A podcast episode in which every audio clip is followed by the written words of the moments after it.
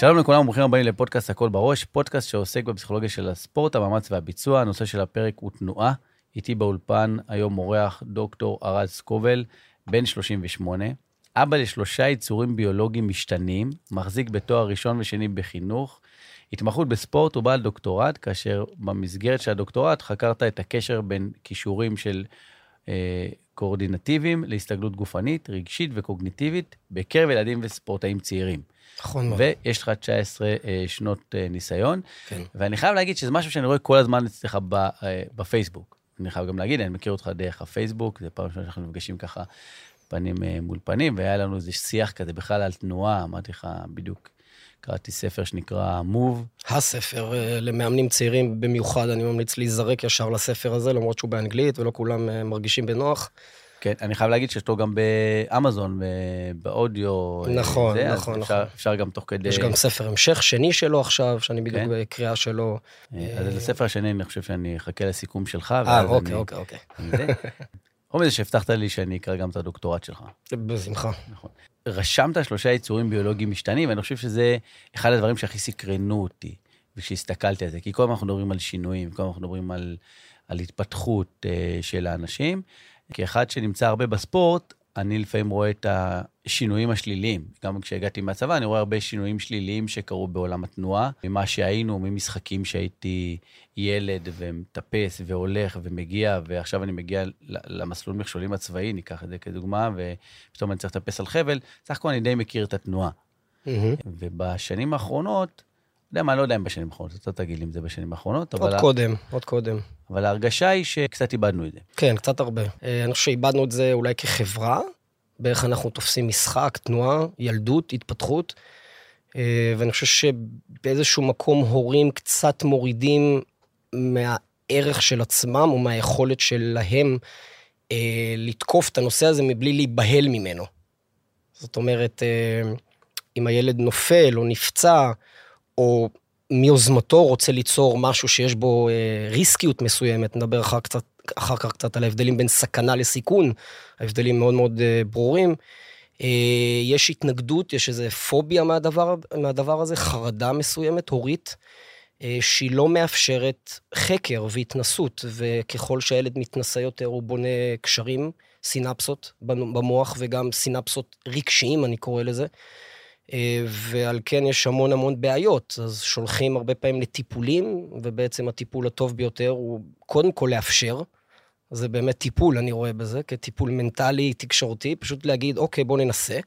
אנחנו נהיה שם כהורים, נלווה את התהליך הזה. אז אה, בדרך כלל אני מסיים פודקאסטים במה מה ההמלצה להורים, אז קודם אנחנו כל... נעשה את זה, אנחנו כן, נעשה את זה, כן. אתה תיתן אה, טיפים. לגמרי. אני חושב שזה אחד הדברים שאני מרגיש על עצמי כהורה, תמיד אני אומר לילדים שלי שהמזל שלהם שאני גרוש, כי Hmm. אם לא הייתי גרוש, כנראה שהם היו עטופים בנייר פצפץ כזה, אוקיי. וככה הם היו יוצאים לשטח. בעייתי. הם גם היו יודעים להתקשר אליי אחרי כבר ששמו להם את הגבס על היד. אבא, הייתי בסקטבורד, נפלתי, נשברה לי היד, יש לי כבר גבס, אני עוד חודש אחזור. כאילו, אוקיי. כלומר, כאילו, אני כבר מקבל את כל הפירוט שאין לי שלב של החרדה, כאילו, כן. לגמרי. לשמחתי רבה, הם, התנ... הם התנסו הרבה. אני זוכר שלימדתי אותם לנסוע על אופניים, והייתי לוקח אותם לפארק, וזה היה הדבר הכי מפחיד לי בעולם. לך. לי. הכי? מפחיד בעולם. מעניין מאיזה כי- מאיזה צד. אחד העניין הזה של החוסר שליטה במה שקורה איתם.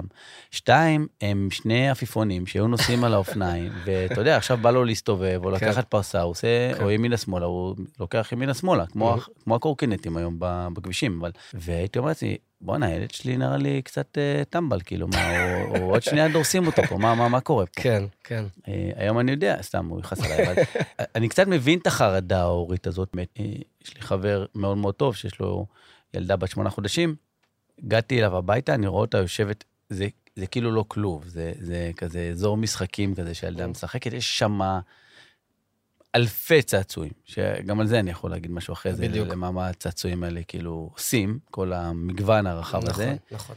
אבל יודע מה, אולי נחזור חצי שנייה אחת אחורה, ותן לי קצת רקע על מה שאתה עושה היום. כלומר, אני יודע ש... מה זה הספידי... אה, ספידית. ספידית? כן. אמ, יש לי כמה כובעים, בעצם אני גם אה, מפעיל חוגים שהמטרה שלהם זה לפתח קואורדינציה אצל ילדים, אינטגרטיבית כזאת, שיוצרת איזשהו multitasking של יכולות פיזיות. כדי שא', אותו ילד אה, ייהנה מעצם התנועה ומעצם הנוכחות הפיזית שלו בעולם, ולא יחשוש ממנה. ושתיים, אה, תהיה את האפשרות לאותם ילדים מוכשרים, או כאלה שרוצים להתמקצע אחר כך בהמשך בענף ספורט מסוים, תהיה להם את היכולת, את האפשרות, והרבה מאוד ילדים אין להם את האפשרות, כי אין להם את הוורסטיליות הזאת. אז ספידיט, קודם כל, זאת פלטפורמה מאוד מאוד אה, אה, ורסטילית, הוליסטית, 360 כזה. אה, הכובע השני זה ההכשרות שאני בעצם עושה, וקורסים והשתלמויות. אני בעשור האחרון מתעסק בזה המון, בשנים האחרונות אפילו עוד יותר.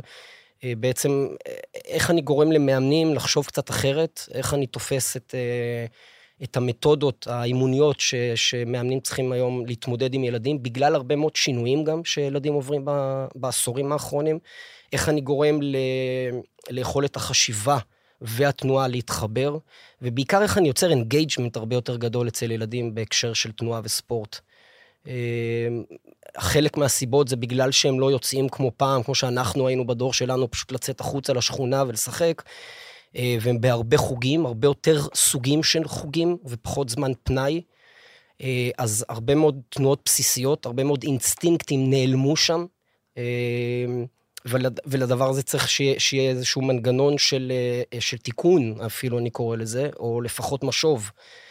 אה, יש התמקצעות בגיל מוקדם מאוד אצל ילדים, גילאי 4-5, בתי ספר לכדורסל, כדורגל, אנחנו רואים שם המון המון לחץ ויכולות טכניות בעיקר אצל ילדים, אבל אין שם הרבה playfulness, ואין שם הרבה... מצד המאמן אפילו לא יודעים בכלל מה זה המושג הזה, playfulness movement. אה, גם כשהם מכניסים כביכול משחקים לתוך ענפי הספורט הספציפיים, זה מאוד מאוד, עם אוריינטציה מאוד גדולה לענף. ולילד בגיל 4, 5, 6, אני לא בטוח עד כמה שזה מעניין, או בכלל חובה. אה, אז באמת שמתי לעצמי ככה נר לרגליי, ממש לקדם את המעמד של המאמן, או את היכולת של המאמן להבין התפתחות באופן כללי אצל ילדים, וקואורדינציה זה, ה... זה עמוד שדרה של הכל. אני ממש מסכים, אני חושב ש... ש... תוך כדי שדיברת, אני ככה אומר לעצמי, שיש לפחות לנו בעולם של הפסיכולוגיה של הספורט, אנחנו מדברים על זה של, דיברת על העניין של החוגים, יש לקחת את הילד לכמה שיותר חוגים. נכון. עד גיל מסוים, עד גיל ההתמקצעות שלו, נכון. שהיא באזור נגיד 13, 14, אולי אפילו קצת יותר מוקדם בחלק מהמקומות. אה, אבל שכן שהוא אה, יתנסה כדי שהוא יהיה עוד כל מיני מגוון של תנועות. כלומר, אם אני שחקן כדורגל, אלך לג'ודו, אני אקבל גם כל מיני תנועות של פלג גוף עליון, כמובן גם יש גם עניינים של הביטחון והמגע והאגרסיביות. אה, לך, אה, ויש לנו הרבה ספורטאים שאנחנו יכולים להגיד ש... לא יודע, דיברת, נגיד ואנדאם כזה, שדיבר שלפני הקארטה וזה, הוא עשה בלט, כאילו, איך הוא הביא את הדברים, או אה, כל מיני ספורטאים שאתה יודע ששיחקו טניס, או כל מיני דברים כאלה, והמשיכו בחלק מהדברים שלהם, והדברים האלה קיימים. וקצת שמעתי אותך אומר שזה לא מספיק עדיין. כלומר, גם ללכת למגוון רחב של חוגים, זה אולי אפילו עדיף לוותר על חוג אחד ושהוא ילך ויתאפס על ה... כן, כן, במידה מסוימת זה נכון. אמ. אתה יודע, אנחנו צריכים להסתכל על זה, על, על הנושא של איכות מול כמות. אה, זאת אומרת, אם, אם ה vision הוא פשוט לתת לילדים להיות בכמה שיותר מגוון של דברים, אז uh, יש פה כמות, ואז מהכמות הזאת הוא באמת יקבל רפרטואר של התנסויות, וסביר להניח שבפוטנציאל הוא יחווה יותר מיומנויות, אם נרצה או לא. גם אם המאמן לא משהו. עצם כן. הנוכחות שלו בג'ודו, בכדורסל, בטניס, בכ... בדברים מהסוג הזה, הוא יחווה את זה. השאלה, מה קורה בתוך המתודות עצמן? אם הילד עובר מחוג ג'ודו לחוג טניס, שגם בחוג ג'ודו, גם בחוג טניס, יש הרבה מאוד נושא של דגש של טכניקה ענפית בגיל צעיר מאוד, אז הוא מפתח בעצם מיומנות או שליטה באותה טכניקה.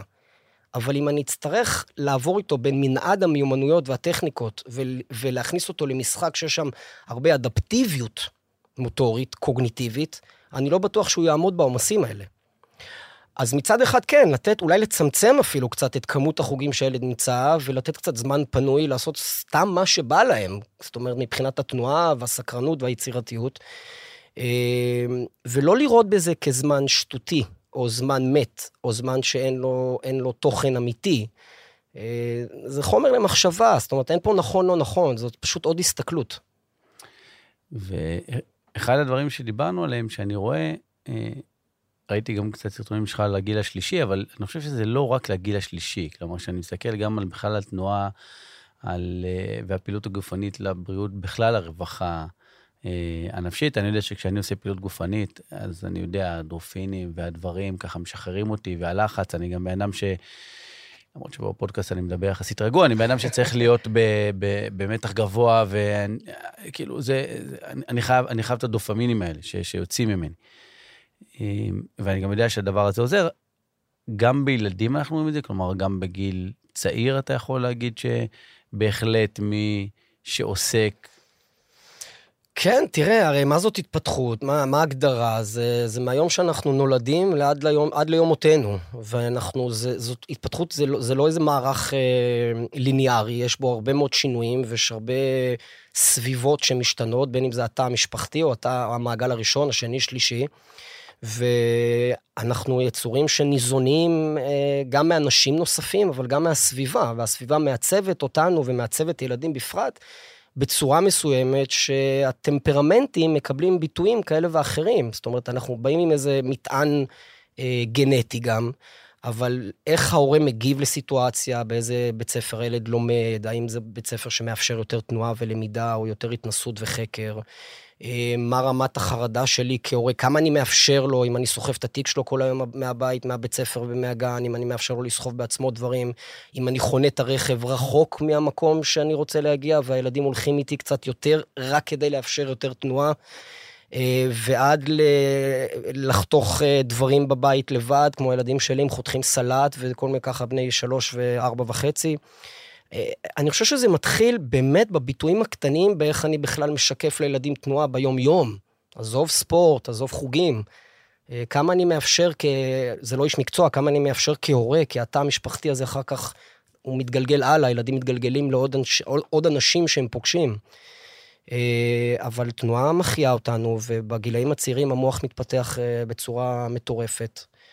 ותנועה, אני רואה בתנועה בהקשר של ילדים כמגדלור ומצפן עבור ביטויים רגשיים והתנהגותיים, ואם אנחנו ניתן, אם אנחנו נחסוך מהם את התנועה, אין ספק שאנחנו נוביל אותם למקום של אה, תוקפנות ולמקום של אה, אה, לא לרצות לבלוט ולהנהיג ולקבל החלטות במינימום זמן ובמקסימום תועלת ויעילות. אז כן, תשמע, זה... אתה אומר את הדברים, וכאילו עולים לי כל הזמן תמונות בראש, התמונות כזה של, של ילד אה, שיושב עכשיו אה, ומשחק בפלייסטיישן ו, ולא רוצה לצאת, ו, ואיך הדברים האלה, וזה ישר מעלה אותי לאיזה פוסט שרשמתי לגבי המוח העצלן, כמה המוח שלנו מאוד נהנה להיות העצלן הזה. נכון. של, שוואי, אתה יודע מה, איזה כיף לנו לשבת פה במזגן, ונעים, ובוא לא נעשה כלום. ו, ואז לקחת אותך ולהעיר אותך, כמו שאפילו אני עושה עכשיו בטונציה שלי, זה משהו שפתאום נהיה קשה יותר. ו- ולהניע, ו- ומגיל צעיר, אם אתה לא עושה את זה, אה, הוא... אני לא אגיד שהוא קשה להשלים אותו בזה, אבל העבודה היא יותר קשה. כאילו, כן, ככל כן, שאתה כן. עושה, היא יותר קשה, מעבר לעניין השרירי, שהוא גם לו לא יש אה, אה, מחיר. אני הפסדתי בצבא, נקרא לי השריר, ולקח לי איזה חודש, כאילו, אתה יודע, שהצלחתי לעשות סוג של תנועה עם היד, הוא היה ממש ממש קצר, ולהרחיב okay. אותו קצת וכו', אז הדבר הזה אפשרי, אבל הוא לוקח זמן, ושאלה mm-hmm. גם כמה כוח רצון יש לך ו- אה, וחשק. וזה קצת מקדם אותי לתחום שאני עוסק בו, של שהוא מעניין אותי, זה העניין שלה בספורט, כי לפעמים, דבר ראשון, אני חושב שבאמת תנועה וההבנה של התנועה היא קריטית. אני חושב שהרבה ספורטאים צעירים או מבוגרים, אפילו בוגרים, חלק מהדברים הם פשוט לא מבינים את, ה, את הטכניקה או את המהות של התנועה. מה, אני לא רוצה אפילו להגיד את הטכניקה של התנועה, אני רוצה להגיד את המהות של התנועה. אבל לא מבינים מה, מה, מה זה ייתן לי. Mm-hmm. וכשאני מסתכל נגיד על המאמנים, לפחות בצד שלי, אני חושב ש, ששם אני מנסה לפעמים לכוון את המאמן, בוא תסביר לילד מה, מה, לאן אתה רוצה שהוא יגיע. כאילו זה בסדר, אוקיי, אתה רוצה שהוא ייקח את הכדור ברגל שמאל ולא ברגל ימין, כי יש לו אה, שחקן שרץ איתו ברגל, אה, שרץ איתו צמוד לצד ימין. Mm-hmm. אבל אה, אני חושב שקודם כל הילד צריך להבין את ההבנה למה אני רוצה שזה יהיה ברגל שמאל. כי ברגל שמאל יהיה יותר קשה להגיע אליי, ברגל זה יהיה לו... אה, ו- ולהבין זה, אני לא חושב שלפעמים גם המאמנים מבינים למה הם רוצים שילד יהיה חזק בשתי רגליים, או ייקח את הכדור ברגל שמאל, או ייתן איזושהי בעיטה, ודיברנו על ספר מוב, על יש רק דרך אחת לבצע את מה שאני רוצה, אה, אה, שאני רוצה לעשות. ואני חושב שכשאני מסתכל על רוב הספורטאים הגדולים, היכולת ביצוע שלהם היא הייתה שונה קצת משל השאר. כלומר, בין אם זה צעדים גדולים יותר, בין אם זה קפיצה לגובה שהשתנתה לגמרי, ב- ב- כי פשוט אה, בחור לא ידע לקפוץ, כמו שאמרו לו לקפוץ, אז הוא נכון קפץ. את זה אחרת. נכון מאוד. אה, אז, אז כן הייתי רוצה קצת ממך אה, על העניין הזה של התפקיד בשיפור, של, בתנועה של השיפור ביצועים, ואיך בכלל אנחנו יכולים ל- להתעסק עם זה. כאשר אני יודע שבבתי ספר היום, בניגוד לזה ששיעור ספורט אצלי היה השיעור הכי כיפי, היום הוא לא תמיד. כלומר, נכון, הוא- נכון, נכון. אה. תראה, אנחנו מדברים פה על נושא שבעיניי, בתפיסה שלי, אני מגדיר אותו כהתאמה לשינויים. אה, גם ילדים וגם ספורטאים לא מאומנים מספיק לשינויים. אה, זאת בעיניי תורה, הדבר הזה, באיך לאמן ילד, חניך, ספורטאי, לשינויים. גם במסגרת ספידית, כשאני מלמד את הקורס, אז אני מדבר על סוגים שונים של הגבלות.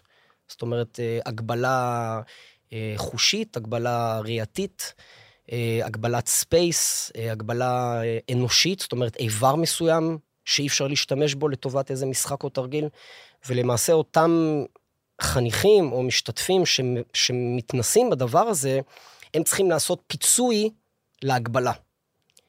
הפיצוי הזה בעצם מביא אותם לפתרון חדש. וקצת קשה לה- להסביר את זה במסגרת הפודקאסט, כי באמת מדובר במשחקים ותרגילים מעשיים, אבל אני חושב שברגע שאנחנו מובילים, אני, אני משתדל גם להוביל חניכים, וגם במסגרת הקורסים שאני עושה, אנשים לקצה. זאת אומרת, לצ... דווקא לאזור של האי-נוחות. אני חושב שאנחנו חיים בעידן של, של לחפש את הנוחות הסובייקטיבית שלי, קל מאוד. אני סוגר את החדר, סוגר את האוזניים, נכנס לרשתות החברתיות, עושה כל מיני פעולות שהן זמינות לי מאוד, בורח לפה, בורח לשם, כדי לא להתמודד. עכשיו, אה, easy say than done, כאילו זה קל יותר להגיד אה, מה, את הדברים האלה, אבל אם אני עוד פעם חוזר לעולם הילדים ובאיך אני יוצר מתודות כאלה אצל ילדים ומאמנים, זה באמת לא לקחת שום פעולה כ-obvious. אם אני לוקח פעולה טכנית, נתת את הדוגמה של הכדורגל כ-obvious, זה ברור שאתה צריך לעבור מהצד הזה, כי אין לך עוד אפשרויות. נו, מה, איך, איך חשבת אחרת? אני חושב שהתפיסה הזאת צריכה להיעלם. ברור שיש עוד אופציות, אתה פשוט שולל אותה מעצם זה שאתה מצמצם ואומר רק פעולה אחת ספציפית שצריכה להיאמר עכשיו. אה, אז מאמן קודם כל צריך לשאול את השחקן, בעיניי, איזה עוד אופציות היו לך פה כרגע. תדבר אותם. גם אם אני לא מסכים איתם, תדבר אותם, כי יכול להיות שהאופציה שאתה חשבת עליה, היא מותאמת ליכולת התנועתית, קוגניטיבית שלך, פר, פר, פר תנועה, פר, זאת אומרת, ביצוע כרגע. Uh, הדבר הזה מצריך קודם כל מהמאמן ומאיש המקצוע להיות מאוד open-minded לדבר הזה, שהידע הוא לא בהכרח אצלי, אלא אצל הספורטאי. במשחקי כדור וקרב, לצורך העניין, יש אין סוף תנועות מפתיעות. אם אני אאמן טכניקה ברמה מסוימת ואני לא אאמן את גורמי ההפתעה, טכנית, אם מישהו יתקוף אותי בצורה מסוימת, טכנית אני אדע לבצע פעולה אחת, שתיים, שלוש במקרה הטוב. מה קורה אם הוא עושה משהו כגורם הפתעה ואני לא מוכן אליה? יש פה הרבה חומר למחשבה באיך אנחנו צריכים בכלל לאמן ילדים, ועד כמה אה, גורם ההפתעה הוא צריך להיות חלק מתודי מובנה בתוך אימון, ואיך אני מאמן בכלל את גורמי ההפתעה.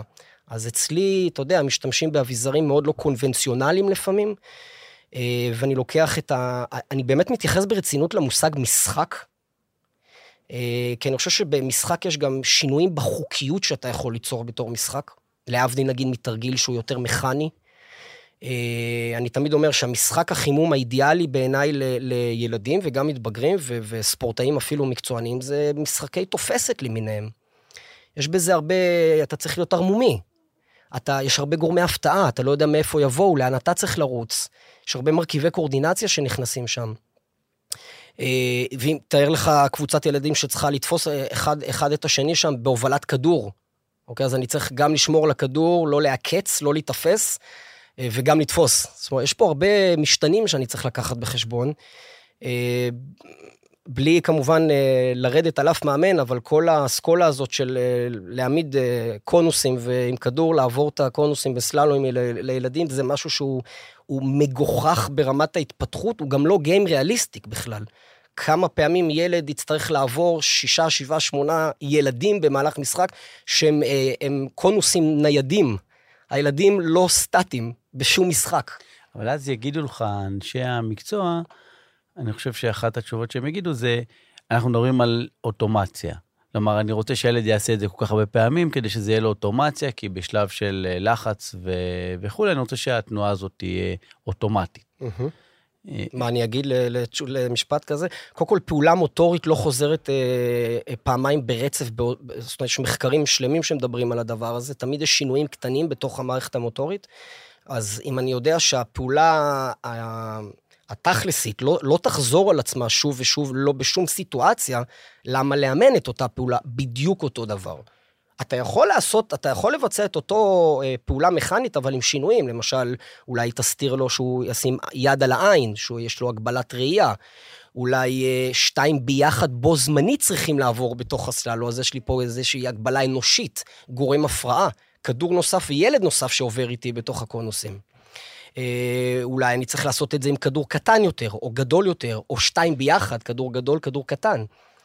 יש פה הרבה אפשרויות, לא צריך למחוק לגמרי את מה שמאמנים עושים עד עכשיו, אני חושב שפשוט צריך להסתכל על זה במשקפת שהיא שונה לחלוטין, שהיא באה מתוך ראייה התפתחותית מאוד רחבה. אני חושב שהמילה משחק לפעמים, היא, כמו שאמרת גם אתה, אני פשוט, אתה מדבר ואני מסתכל על הילדים היותר צעירים שאני נמצא במועדון, ילדים בני 11, 12, 13, והיום התחושה של, של הילד שמגיע, זה רק, אני עושה רק מה שמקדם אותי. ואני כן. חושב ש, שבמילה משחק, יש להם איזושהי הרגשה שזה לא באמת יקדם אותי. מה, אני נתקל בזה אפילו בעולם שלי, שאני בא ויושב איתם עכשיו ומדבר איתם רגע על עניינים מנטליים, על חוסן מנטלי או זה, אם, כאילו, מעבר לזה שזה נמצא גם באימון ובמערכי אימון, לפעמים אנחנו עושים שיחות קצת על רגשות ועל זה, והם מאוד מאוד בורחים מזה, אפילו היה איזה שחקן שאמר למנהל מועדון, טוב שבאת, כואב לי כבר הראש מה, מהעניין המנטלי, שאפילו לא היה, לא היה כלום, אתה מבין, כן, פשוט כן. אני עשיתי לו התניה שהוא חושב שכל מה שאני עושה זה מנטלי, סך הכל עשינו בעיטות לשער, זה שום דבר, אבל כאילו, אני, בעיקר בענף הכדור, אני לא רוצה לדבר על ענפים אחרים, אבל בעיקר בענף הכדור, אני מרגיש שהילדים כל כך חרדים להתקדמות האישית שלהם, שהם אולי מסרבים לעשות כל מה שהוא לא נמצא אצלהם במיינסטרים שלהם. כלומר, במה שעכשיו מסי עשה, שהוא ראה ברשתות החברתיות, מה מסי עכשיו עושה, מה, מה רונלדו עושה, מה אמבפה עושה, כלומר, כשהם רואים שהוא עשה, אז הם גם רוצים לעשות אותו דבר. בדיוק. אה, ומעבר לזה, יש דברים שאני חושב שאיכשהו יש תנועה יותר יפה. שאני לא יודע איך לקרוא לזה, אתה, אתה, אתה תגדיר את זה, אבל התנועה שלהם היא יותר יפה לעין. כן. כאילו, הסללומים האלה, הם יותר יפים ממה שהיה פעם. פעם היה רוני רוזנטל. היה לוקח כדור, רץ כמו קטר מקצה אחד לקצה השני. זה, אתה יודע, הוא היה מבקיע, היה יעיל. כן. אני אגיד לך שזה, לא יודע, נראה לי... אה, אצילי עושה את זה יותר יפה. ב, אה, אז, אז כאילו, זה, אני חושב שיש פה אפילו איזה סוג של דיסוננס קצת, בין, מצד אחד אנחנו אומרים, הם עושים פחות תנועה, פחות תנועה חופשית, הקורדינציה אולי קצת נפגעת. מצד שני, אתה רואה תנועה עם הרבה מאוד קורדינציה בחלק מהדברים. אה, אני לא יודע אם אנחנו רואים תנועה עם הרבה מאוד קורדינציה, אני חושב שיש פשוט יותר מודעות היום, גם של מאמנים, איך לשכלל קצת את מערכי האימון שלהם. הזכרת מקודם את הרשתות החברתיות. יש בזה צדדים חיוביים, אבל יש גם צדדים שליליים. אם אני מעתיק את מה שרונלדו עושה במגרש, כילד בן 11, שאני לא יודע אם אני ב top ה... אצלנו בארץ אפילו כשחקן כזה מוכשר, אני בבעייתיות, כי יש פה דיסוננס בין היכולת שלי לבין היכולת של שחקן top-level. אה, אז זה טוב שיש דמויות מפתח כאלה שאנחנו רוצים לחכות, וגם למאמנים יש היום מערכים שאפשר לראות בהרבה מאוד פלטפורמות, שזה נהדר. אה, אבל אני לא יודע אם להגיד שילדים היום אה, הם, הם לא פחות קורדינטיביים בעבר, אה, זה לא נכון יהיה להגיד את זה. אני חושב שהם פחות מש, משחקיים, או פחות חובבי משחק. אבל זה חלק מהדבר הזה נובע מעצם העובדה שהם נכנסים למועדונים כאלה, לאגודות כאלה מאמנים, שהיכולת של הישגיות באה בגיל מאוד מאוד מוקדם, או צעיר מדי, והיכול, והרצון להידמות, כן? יש הרבה, אנחנו רוצים להיראות כמו 1, 2, 3. אבל מה קורה אם הילד הזה בסופו של דבר, לצורך העניין, לא יהיה שחקן כדורגל, אוקיי? אם הוא יפרוש בגיל 11-12, שהיום גם ברמה המחקרית, כאילו זה, זה גיל הפרישה להרבה מאוד ילדים, 12-13 נגיד. האם הוא ימשיך לעסוק, ב, לעסוק בתנועה, פעילות גופנית, אולי יעבור להתעסקות במשהו אחר? האם יש לו בכלל את היכולת עכשיו, אחרי שהוא התמקצע כל כך הרבה שנים רק בזה, לעבור למשהו אחר? אז יש פה הרבה שאלות שצריך לנסות לתקוף אותן, בכמה... מה, מה החשיבות של הדברים, כמה משקל אנחנו שמים על כל אחד מהדברים. כן, זה... אתה יודע, אתה אומר, ועולה לי, כמו שאני אומר מתחילת הפודקאסט, עולים לי כזה כל מיני תמונות, נגיד עולה לי התמונות של, של הבן שלי שהיה בקארטה ועזב רגע את הקארטה ועשה קצת אה, טיפוס, ואחרי הטיפוס אה, כדורסל, ואחרי הכדורסל נע ל, אה, לכל מתח כזה חיצוני ושידע קצת לעשות, והיום קצת חדר כושר. וכשהוא נכנס לחדר כושר, החרדה הגדולה שלי הייתה זה של, שהוא ישכח, ש, mm-hmm. ש, שהוא כבר לא יעשה את, ה, אה, את כל העליות כוח שהוא היה עושה, ואת כל המקבילים האלה שהוא היה עושה, אה, בקלילות מופלאה, דרך אגב, שזה גם כמשהו שתסכל אותי, איך הוא מצליח לעשות את זה כזה בקלות, ואני אה, עוד שנייה קורע כתף בשביל לטפס למעלה. וכאילו, אני מנסה להבין איך אני מצליח לשמר את זה. כלומר, מה באמת אני יכול לעשות כדי באמת לגרום לילד עכשיו להגיד, אוקיי, שמע, אתה חייב את זה. כלומר, בלי זה אה, לא תצליח. עם המאמנים אני מרגיש שלפעמים יש אפשרות לדבר, כלומר, כן, אנחנו מכניסים יותר דברים. Mm-hmm. אה, דיברת על הגבלות, אז כן, משקפיים מגבילות, ולפעמים קשירה של היד, או קשירה של, אה, נגיד, אתה רץ והרגל שלך גוררת משהו מאחורה, ו... ואיך אתה ממשיך לשלוט על הכדור. הרבה מאוד uh, משחקים uh, של, של לקחת, וגם לוקח דברים מענפים אחרים, נגיד, לוקח מהקרב מגע עכשיו, איך אתה נותן מכה לאיזה כרית ועולה לסל, ו- ו- וקצת עולה למעלה. ואני חושב שחלק מהדברים זה שפשוט אין, דיברנו על רשתות חברתיות, אין לי איזה מאגר שאני יכול לבוא לקחת משם תרגילים ולהגיד, אוקיי, זה מה שאני רוצה. כן, כן, נכון. יכול להיות שזה חסם ש... דיברנו הרבה על יצירתיות בעבר, אז אה, גם ליצירתיות, שההגדרה היא לא ממש ברורה, אבל בדרך כלל יצירתיות זה שאני מביא משהו ממקום אחר. כלומר, אני יודע להתאים את זה למסגרת שלי, שזה מה שאני חושב שאנחנו היינו רוצים שיקרה עם התנועה. כלומר, אם אתה מבין את התנועה כמו שצריך, ואתה מבין מה המהות של אותה תנועה, אה, אז זה לא משנה איך תעשה את זה. כלומר, אם אתה עכשיו צריך לקפוץ לרוחק, מי אמר שאתה צריך שלוש צעדים גדולים? תיקח נכון. אה, שש קטנים, ו... נכון. ואם הצלחת, או תעשה גלגלון לפני שאתה... זה, מה זה אכפת לי? כאילו, כל עוד זה עומד בחוקים האולימפיים, כן, כן, כן, אבל אם אתה מבין מה אתה צריך לעשות ואיך אתה מצליח להוציא את הדברים, אני גם מרגיש שאנחנו קצת חסרים בעניין של כוח מתפרץ. אה, והשאלה אם זה משהו שגם אתה ככה מרגיש אותו... קודם כל, אני טיפה אחזור אחורה. כדי להוציא את הפעולה הזאת שתיארת שהוא ירצה נגיד להוציא בסיטואציה מסוימת, הוא צריך, אה, הוא צריך שיהיה לו ארסנל של התנסויות. הרי מה זה יצירתיות תנועתית, לפחות בעיניי? זה היכולת שלי לשלב בין התנסויות עבר או הווה, ולהוציא פעולה מסוימת, מפתיעה, אולי לא צפויה, בדרך מסוימת, שהיא גם מסונכרנת לבעיה או לאתגר. כן. ומותאמת. והדבר הזה לא יכול לקרות אם אני אחזור על אותן פעולות שוב ושוב, או אני אשחק בצורה שהיא מאוד לא מאפשרת לילד ללמוד. אה, אז אנחנו, בגדול אני חושב שמאמנים ושחקנים, ספורטאים, צריכים ללמוד איך ללמוד. אה, וללמוד איך ללמוד זה לתת הרבה סיטואציות שבו הילד נמצא בסימן שאלה כלשהו. שאולי ההוראה של המשחק או התרגיל היא לא הוראה מלאה. יש רק guidelines כאלה כלליים באיך, מה, צריך, מה קורה פה עכשיו, ועכשיו בוא תנסה למצוא איזה דרך ביצועיסטית מסוימת כדי להצליח בה. תראה, זה, זה, זה הרבה יותר עמוק ממה שאנחנו אומרים כאן בפודקאסט, כי מאמן צריך לצלול לעומק הדברים. עוד פעם, איפה השליטה, אצל מי? אם השליטה היא 100% אצל המאמן, אני לא יודע כמה נוכל לפתח ספורטאים יצירתיים. אנחנו כבר לא מדברים על ספורטאים שמשחקים היום בשכונות, שעות על גבי שעות, אה, לבד או ביחד, ושם כל המשחקי שכונה למיניהם מפתחים הרבה יצירתיות, כי אין מאמן, אין חוקים. אה, אני חושב שנכון יהיה למאמנים היום, במיוחד בענפי ספורט, אה, ענפי הכדור, הקרב, כדור בעיקר, שיש הרבה גורמי הפתעה במשחק, זה לפתח את הספורטאי החושב. אה, אם אני אעשה לו skipping כל האימון, או קפיצות מעל משוכות, או אני אבקש ממנו לזרוק 200 פעמים לסל, זה לא יפתח יצירתיות, זה במקרה הטוב ביותר יפתח טכניקה. אמר, אמר את זה דן רומן פה ב... אירחתי אותו, הוא מאמן אה, מכבי נתניה של הנוער, והיה גם שחקן כדורגל.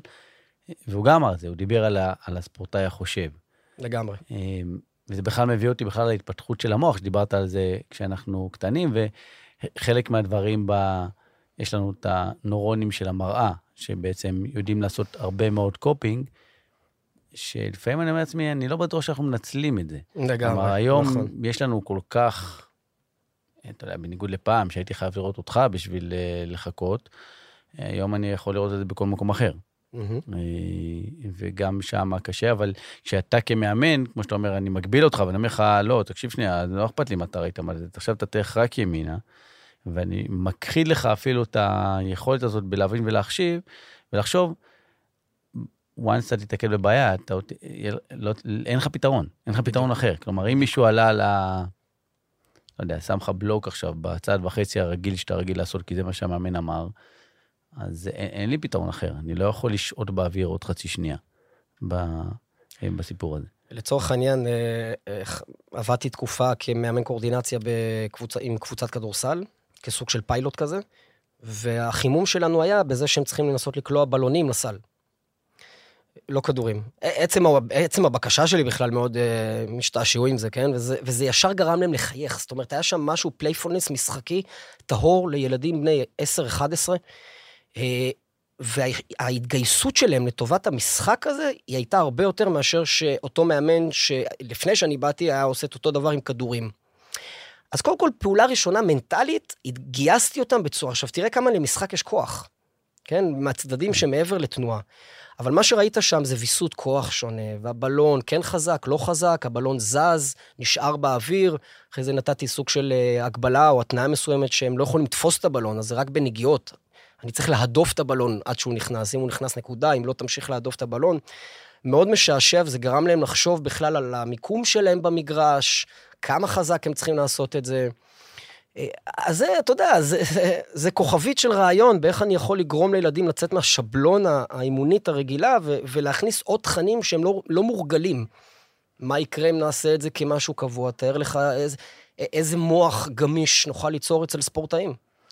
אני גם חושב, דיברנו על זה בקטנה, על הנושא של, ה, של הטיפול, אז גם כפסיכולוג חינוכי, אז מה שאני עושה בחדר טיפולים רוב הזמן. רוב הזמן אני פשוט משחק, אני משחק מה שהילד רוצה לשחק, אבל אנחנו משחקים כי אנחנו יודעים שבמשחק הוא יכול לעשות יותר מדי דברים. וכשדיברת על נושא הבלון, אני אומר לעצמי, בואנה, לקח לי איזה חודש לדבר עם ספורטאי על ויסות העוררות שלו, mm-hmm. שהוא עושה צעד וחצי ודופק את ה... במקום לעשות לאה פשוט, הוא בגלל שהוא בא עם כל כך הרבה אנדרלנין, הוא בא לזה ונותן איזה פצצה ככה לקרש, והכדור פוגע באחד מהקהל במקום להיכנס פנימה. אז הנה, בלון אולי זה ובלון היה יכול לפתור לי את זה בצורה הכי קלה כן, שיש, כי כן. שם אתה, אתה, אין לך ברירה, אתה, אתה כל הזמן מווסת את, ה, מווסת את עצמך. תבוא ואתה צריך לתת מכה חזקה יותר, חלשה יותר, ולשחק עם הדברים שאתה עושה. הבלון במקרה הזה מהווה כסוג של שפה. אני, אני, צריך, אני צריך ליצור דיאלוג עם הבלון. עכשיו, אם אני יוצר דיאלוג לא טוב, אני לא אצליח. אני, אני לא אגיע למטרה שאני רוצה אה, באמת לעשות. אני חושב שזה גם אחת הבעיות הקשות שאני מנסה להסביר לשחקנים או למאמנים, זה איך בכלל אני מגדיר את המטרות שלי, כלומר, איך אני מחלק את המטרות שלי. אה, ו, ומהם היעדים בשביל להגיע לאותה מטרה? כלומר, מהם הדברים שאני צריך לעשות? כי כשאתה מדבר עם ספורטאי, אז הוא מחלק את זה לשלושה חלקים. הוא אומר, אה, פיזי, טכני ואולי מנטלי, mm-hmm. בסדר? אה, בהיבט הזה, ואז אתה אומר לו, אוקיי, מה זה פיזי? אני צריך לעשות יותר כוח ברגליים. מה זה טכני? אני אה, צריך להשתלט בעיטה יותר חזקה. אוקיי. אוקיי. אבל כאילו אין את הפירוקים היותר נכון. נמוכים של... בדיוק. מה, מה זה אומר... תת סעיפים. ב... כן, התת סעיפים. מה זה אומר הבעיטה יותר חזקה? מה עכשיו אני אעשה עם בעיטה יותר חזקה? בדיוק. ו- אני קצת חוטא, כי אני לא באמת מכיר את התחום, אבל אני לא בטוח שיש אנשים שיודעים ללמד את ה... לא, לא, חד משמעית, אני אומר את זה בצורה מפורשת. אמ, בודדים. אני אגיד יותר מזה, אפילו, אפילו בסיום ההכשרות שלי, של חבר'ה שבאים ללמוד אצלי, אה, הם יוצאים, יוצאים יותר עם סימני אה, אה, שאלה מאשר סימני קריאה. כי יש למאמנים את הקושי הזה בלהמשיך לייצר על אותו קו, זה סוג של שעון חול הרבה פעמים. הם הופכים את השעון חול, נגמרים הרעיונות, ובזה זה נגמר. אני משתדל להיות לומד מאוד בתולי, אני עצמי. אני תמיד בא, כאילו אני לא יודע כלום, עדיין, עד היום, לפגישה עם חניכים או ספורטאים, או, או מישהו שבא ללמוד אצלי. אה, אבל אני מסכים מאוד שאין את הפירוק הזה. זאת אומרת, כדי שילד ידע לשלוט בכדור, הוא צריך לבצע קודם כל הרבה מאוד מניפולציות עם כף היד שלו. הרבה מאוד... מאוד... מה שאתה אומר, כי זה אפילו לא עלה לי ב... בסכמה. כן, אתה יודע, תחשוב על זה, הרי תחשוב כמה תתי פעולות ילד צריך לעשות עם הכדור, זה במיקרוסקופי, זה בתנאי מעבדה, אתה יודע, אנחנו מסתכלים על זה. ימינה, שמאלה, חלש, חזק, כדורסל, כדורגל אותו דבר. כמה, לכמה זוויות כף הרגל זזה במהלך משחק כדורגל? עכשיו, אם אתה לא תאמן את אותן מניפולציות עם כף הרגל, אז uh, אני לא יודע כמה אתה תוכל, הרי תחשוב, שחקן עכשיו נסגר במטר מרובע, הוא צריך לבצע פעולה מחשבתית מהירה. הדיפולט שלנו יהיה, וואו, הוא לא עמד בלחץ. נכון. הדיפולט שלי יהיה זה שקואורדינטיבית הוא לא מצא פתרון. אז פה אני, אני מאוד מאוד אוהב את הצד המנטלי, אבל אני חושב שעם החבר'ה הצעירים, אנחנו צריכים ללמד אותם לחשוב דרך הגוף. כי אני חושב שברגע שהשליטה הגופנית תהיה מספיק מפותחת, זה באופן אוטומטי גם ישפיע על מה שיקרה בקבלת ההחלטות המנטלי, ברגע שצף למעלה. אה, ואני חושב שהם גם ידעו למשב את זה הרבה יותר טוב. כי כמו שאמרת, לא בעטתי מספיק חזק. מה זה לא בעטת מספיק חזק? מה לא עשית נכון בדרך אולי גם? בכלל שמת לב לסביבה שלך? מי לחץ אותך? מתי הוא לחץ אותך? אה, אז כן, אז מניפולציות של האיברים עצמם גם יכולים ליצור תנועות. אתה אומר את זה, זה פשוט, אה, אתה יודע, נופלים לי אסימונים ככל שאתה מדבר, אני חייב להגיד. פשוט נופלים לי אסימונים של דברים שאני רואה אצל השחקנים, של היה לי קשה, אבל אולי הוא באמת לא ידע מה לעשות, וזה כרגע המצב של המוח שלו, זה הפתרון שהוא יודע לתת, והוא מנסה לתת את הפתרון. מצד שני, הוא מאוד מפחד. אני מדבר עם השחקנים הרבה על העניין של אה, תגובתיות ראשונה, כלומר, מה, מהמם. מה הייתה האינטואיציה האינסטינקט. הגופנית שלך, מה היה האינסטינקט. ולפעמים אני בא, נגיד, לשוער, אני אומר לו, תקשיב, אני חושב שאתה שוער מעולה, כי אני רואה את האינסטינקטים שלך, אתה רק צריך. לשחרר אותם קצת. כלומר, אוקיי. אני רואה את הניסיון זה, ואז אתה עושה כאילו משהו אחר ב- במה שאתה רוצה, ואני אומר לעצמי, זה יושב על, על, על סוג אולי של חרדה, או על משהו שהוא בעניין, בעניין הנפשי, כאילו, החשש הכי גדול של כולם הרי זה לטעות. נכון. ואז לשחרר דווקא את העניין הזה של האינסטינקט, ותוך כדי שאתה מדבר איתי, אני אומר לעצמי, במקום לדבר איתם, אני פשוט לתת להם לשחק, כאילו בלי זה, ושישחקו ושישחקו וישחקו, ואז האינסטינקט הזה יהיה פשוט יותר חזק. לשחק מתוך מקום אה, ש... אה, מושכל שאיזה סוג משחק אני נותן, או איזה סוג תרגיל. כי ה- אתה יודע, הכי קל להגיד, טוב, אז אני אשחרר את העניין המנטלי, במרכאות, ואני אפסיק לדבר איתו, ואולי אני פשוט אתן לו להמשיך לשחק.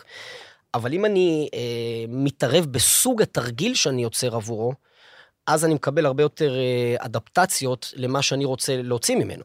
אם הוא לא יודע להתמודד עם לחץ, אז תיצור לא, משחק שיש כן. בו, ש- לצורך העניין. שיש בו את הלחץ אה, ובאמת אה, להכניס. נכון. אה, מעבר לזה, את- את דיברת פה על כל השינויים של כף הרגל, אז אני אומר, זה כמובן גם מגן עליי מפציעות. ככל בדיוק. שאני עושה יותר בדיוק. תנועות, ואנחנו... אז היום אנחנו... זה, זה, זה קצת, אתה יודע, זה קצת מלא לי גיחוך כזה ו, ומצחיק, שאנחנו יודעים שיש בעיה, אז אנחנו מוצאים פתרון. מה הפתרון? אוקיי, אז עכשיו תלך ליוגה. עכשיו תעשה, נכון. תעמוד על הפיתה. נכון. עכשיו תעמוד על ה... נכון. זה כאילו, כאילו, במקום ללכת ולהגיד, שמע, בוא תהיה בן אדם. לא לא יודע איך להגיד את זה, כאילו, אמרת את זה, יצורים ביולוגיים משתנים. בוא תהיה יצור ביולוגי שבאמת אה, מתחיל להשתנות, כי לא נראה לי שהסוס או הכלב, אה, מישהו עכשיו לוקח אותם לעשות פילאטיס. אה, כן, כן. פעם היה לי מרצה לאנטומיה, אם אני לא, אם אני מקווה שאני לא מעוות את שמו, משה שחר. הוא לימד אנטומיה בבית ספר למאמנים בווינגייט הרבה מאוד שנים, איש מצחיק. והוא מתחיל את השיעור שלו בזה שהוא אף פעם לא, הוא נגד מתיחות. כן. הוא מתחיל את השיעור בזה שהוא אף פעם לא ראה את האריה בטבע, מותח את הרגליים ואת הידיים לפני שהוא יוצא לטרף או לציד. אינסטינקטים זה, ש... זה, חלק מה... זה חלק מהעניין, השאלה כמה הסביבה מקרבת אותך לשם. וזה מאוד מאוד חשוב. אה, להגיד לאותו ספורטאי או לאותו שחקן, חניך, האינסטינקטים שלך לא מספיק טובים, או שיש לך אינסטינקטים מעולים, זה לא יוכל לחלחל להבנה יישומית. זה יישאר עדיין ב mind הזה, של אני מבין קוגניטיבית מה אתה אומר לי, אבל ברמת הביצוע אני לא אדע ליצור מספיק תנועות מפתיעות עדיין. אז צריך לאמן את זה. מה שאני מנסה להגיד זה שאנחנו צריכים כמאמנים, אנשי מקצוע שעובדים עם, במיוחד עם הדור הצעיר, צריכים לדעת איך לפתח גורמי הפתעה, כמו שאמרתי. פשוט צריך לדעת לעשות את זה, וזה לא כל כך מסובך, זה גם לא דורש אמצעים, זה דורש פשוט התמקצעות. יש לי, אה, באמת, עולות לי עשרות אלפי שאלות, אני אומר לך, כאילו, יש לי כל כך הרבה דברים לשאול אותך, ואני מרגיש שאני כאילו ממש רק לוקח אה, ממש אה, חלק ממש ממש קטן, אבל בגלל שאנחנו גם צריכים לסיים, אני כן הייתי רוצה שניתן טיפים. כלומר, כן הייתי רוצה שלפחות שומעים אותנו הורים ושומעים אותנו מאמנים וגם שחקנים, אז לתת להם קצת טיפים, מעבר לטיפ שנתת לי להפסיק, אבל זה שלי כבר גדולים, לא שמים עליי גם ככה. אה, לא לעטוף אותם בפלצפץ ולתת להם להתנסות, נכון, אבל אולי נכון. עוד uh, כמה טיפים שלך, שבאמת להורים. לאנשי מקצוע? אני חושב שנתחיל מהורים, אנשי מקצוע, ואז נלך לשחקנים עצמם. זה יכול להיות... אני לא אפתיע ביותר מדי דברים, אבל אני חושב שקודם כל להבין ש... אנחנו לא יכולים להחליף את הילדים שלנו בביצוע שלהם, והם נולדו עם טמפר, טמפרמנט מסוים, עם אה, מטען גנטי מסוים, והם עצמם, ולתת להם אה, לטעות ולטעום מתוך כל הטעויות וההצלחות שלהם, אה, ובאמת לתת להם להבין שהעולם גדול ויש הרבה אפשרויות, ו... יכול להיות שאם אנחנו נחזק כישורי חיים מאוד מאוד מסוימים, אז זה יבוא לידי ביטוי פתאום במשהו אחר, ולאו דווקא במה שהם תכננו כרגע. אה, אני רואה בהורות כמקום שאנחנו צריכים להיות בו יותר צנועים קצת, אה, ולהפסיק אה, לנסות להנדס יותר מדי מהלכים. כן, זה לגבי ההורים. לגבי אנשי מקצוע, פשוט לא להפסיק ללמוד. לא להפסיק ללמוד ולא, וללכת לדיסציפלינות לאו דווקא הדיסציפלינה שלי, אה, ללמוד מעוד עולמות. אה, אני קורא על רוחניות ועל פסיכולוגיה, ו... ואני נכנס ל... לכל הנושא של אה, מתודות של אומנות לחימה, ואני מתנסה פיזית, אני, בהרבה מאוד דברים, ואני מנסה להשאיר את הילד שבי גם חי ובועט. ולא סתם אני מגדיר את עצמי כאבא לשלושה יצורים ביולוגיים משתנים, כי מה שהיה אתמול הוא לא, הוא לא עכשיו, הוא לא יהיה מחר. ואנחנו צריכים להיות אדפטיביים, במיוחד בעולם שהוא כל כך משתנה כזה, אז בואו ננסה גם כהורים וגם כאנשי מקצוע, לגרום לילדים קצת יותר להיות אדפטיביים לשינויים. אה, ולשחקנים? אה, תראה, בסופו של דבר, אה, אני לא בטוח שכישרון זה מה שינצח. אז בהחלט אני, אני חושב שחשיבה חיובית ולהתנסות בהרבה מאוד דברים, הנושא של התנסות בכלל תנועתית ומנטלית ורגשית, אה, זה, זה מומלץ ומבורך. אה, ולהשאיר במיוחד את חוויית המשחק, את הבערה, את הדרייב הזה לשחק, ולראות במשחק כמשהו מאוד פשוט. פעם שמעתי את אה, מאור מליקסון, לא זוכר באיזה פודקאסט או שיחה, ואתה רואה שהעניין השובב, השובבני הזה שלו עדיין נשאר, והוא אמר שזה מה שהשאיר אותו.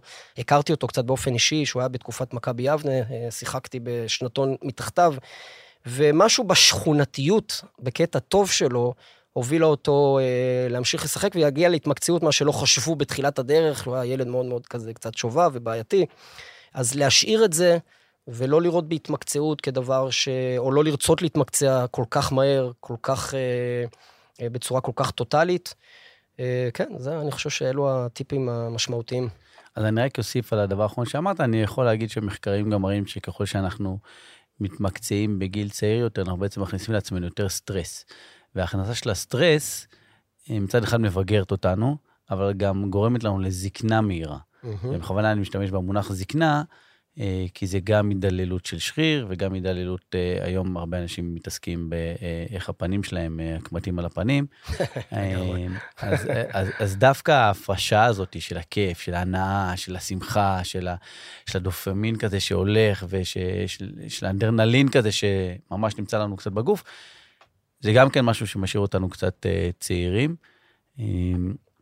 ולכן אני חושב שככל שנכניס יותר את הכיף ויותר את ההנאה לכל מה שאנחנו עושים, לגמרי, תמיד. לגמרי, לגמרי. ותמיד אני מראה לשחקנים שלי איזה אימון של פריס סן ג'רמן, איך אה, מסי ובפה משגעים את נאמר שם, אתה יודע, חרפנים אותו שם עם איזה כדור שקושנר בא לקשור את השרוך והם בועטים לו וזה. לשמור את הצחוק הזה כן, ולשמור כן, את הדברים כן, האלה, כן. זה... זה גם משחרר אותי לפני, אה, לפני המשחק, ולא תמיד צריכים להיות בשיא הדריכות. אמ, המון המון תודה שבאת. בשמחה, לעונג, אמ, כיף גדול. והנה, גם סיימנו, עוד, אני משחרר אותך, אני מרגיש בנוח שאני משחרר אותך לפני הפקקים. לגמרי. בזה, ואני בטוח שאנחנו ניפגש בהמשך. ונעשה עוד קצת אה, אה, המשך למה שעשינו פה היום, ובכלל אה, במה שקורה. ולכם, המאזינים והמאזינות, אז כמובן, אתם יכולים להמשיך להשאיר הערות ושאלות לפרקים, או בדף הפייסבוק, או בכלל במדיות השונות. תודה רבה, תודה. תודה רבה.